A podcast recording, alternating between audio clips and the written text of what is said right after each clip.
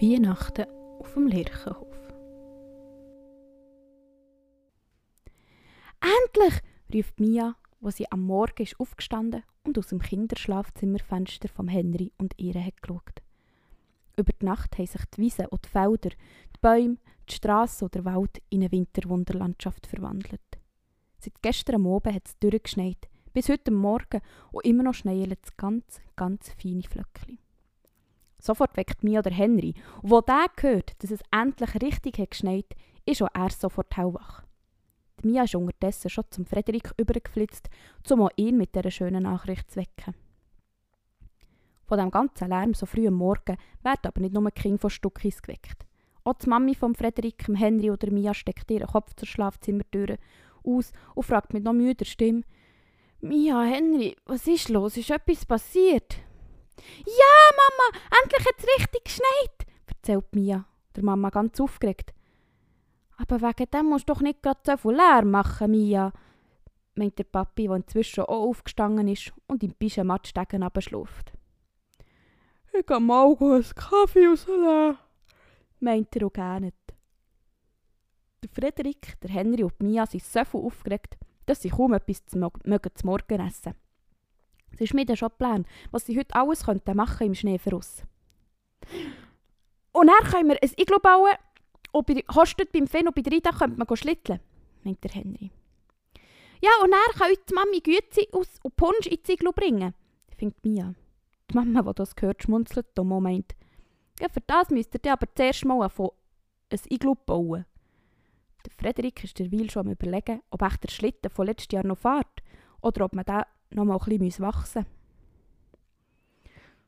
So, jetzt essen zuerst noch ein Schnitteli und trinken etwas. Sonst habt ihr ja gar keine Energie draussen, meint der Papi den ganzen Trubel rein. Nach dem Morgen und nachdem alle Kinder die Zähne geputzt haben, hilft die Mami den Kindern ihre Skikleider vorzusuchen und anzulegen, während der Papi die Küche aufräumt und putzt. Die Skihosen von Frederik sind mittlerweile ein ganzes Stück zu kurz geworden, darum legt er kurzerhand die von Mami an. Endlich sind alle drei warm angelegt und parat für den Schnee und die Mami ist ganz schön in die Schweiz gekommen. Die Eltern haben gesagt, sie kämen dir später schon noch ein bisschen voraus, aber nach dieser frühen Tagwache da würden sie lieber noch ein bisschen in Ruhe die Wochenendzeitung lesen auf dem Sofa und noch ein frisches Kaffee genießen. Draussen ist es herrlich kalt und mittlerweile hat es auch ganz aufgehört zu schneien. Die drei stapfen durch den tiefen Schnee und wollen schauen, ob der Finn und Dida oder die Lara und Maya auch schon draussen sind. Der Vater Straub kommt gerade zum Haus aus und erklärt den Kindern, dass der Finn und Dida sich auch gerade am Anlegen sind und er sicher auch gerade rauskommen. Einen kleinen Moment später stehen alle fünf Kinder vom Zelli und Lerchenhof hinten auf der grossen Wiese und machen sich daran, ein grosses Iglu zu bauen. Aber leider geht nicht das immer wieder zusammen. Der Schnee ist halt noch ganz frisch und die Pulver weich. Da hören sie plötzlich, wie der Vater Straubner ruft. Er hat mittlerweile mit dem Hoflader die Strasse freigeräumt und alle Schnee zu einem grossen Haufen auf dem Vorplatz zusammengestossen.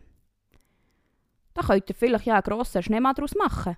Oder runterrutschen mit den Vödelrütscherli, meint er zu den Kindern. Ja, oder noch besser. Wir können eine Schneehöhle daraus machen, meint Frederik. Die Kinder sind den ganzen Morgen damit beschäftigt, den riesen Haufen festzuklopfen und mit kleinen und grossen Schaufeln und Rechen den Haufen zu bearbeiten und eine Schneehöhle drin zu bauen. Auch die Maya und die Lara können helfen. Nur zum Mittag gehen die Kinder kurz rein, um kurz nach dem Mittag schon wieder draussen weiterzumachen. Der Henry, die Lara und die Maya haben derweil daneben noch einen Schneemann und eine Schneefrau gemacht. Zum Zvieri bringt ja tatsächlich die Mama von Frederik, dem Henry und der Mia für alle Kinder Güte und warmen Tee zur Schneehöhle. Und der Papa und die Mama von Ida und dem Finn helfen mit den grossen Schneeschaufeln noch Fenster in die Schneehöhle hineinzubauen. Es schon bald hat von dunkeln, bringt der Vater Stucki ein Laternchen mit einer Kerze vorbei, wo sie ins eine Fenster vor Schneehöhle stellen können. Richtig schön leuchtet sie diesem Schnee inne. Und wo dann auch die letzten Gütebrösmeli aufgegessen und die Teereste ausgetrunken sind, machen sich alle mit roten und kalten Backen und doch auch ein müden Augen auf den Heimweg und versprechen einander, dass sie morgen Morgen dann auch gerade wieder rauskommen, damit sie dann auch noch die Schlittelpiste parat machen können. An diesem oben sind alle Kinder vom Zelli und vom Lerchenhof schon früh in ihrem Bett. So ein Tag draussen im Schnee macht halt auch ordentlich müde. Und fast könnte man anstimmen, still ist die Nacht.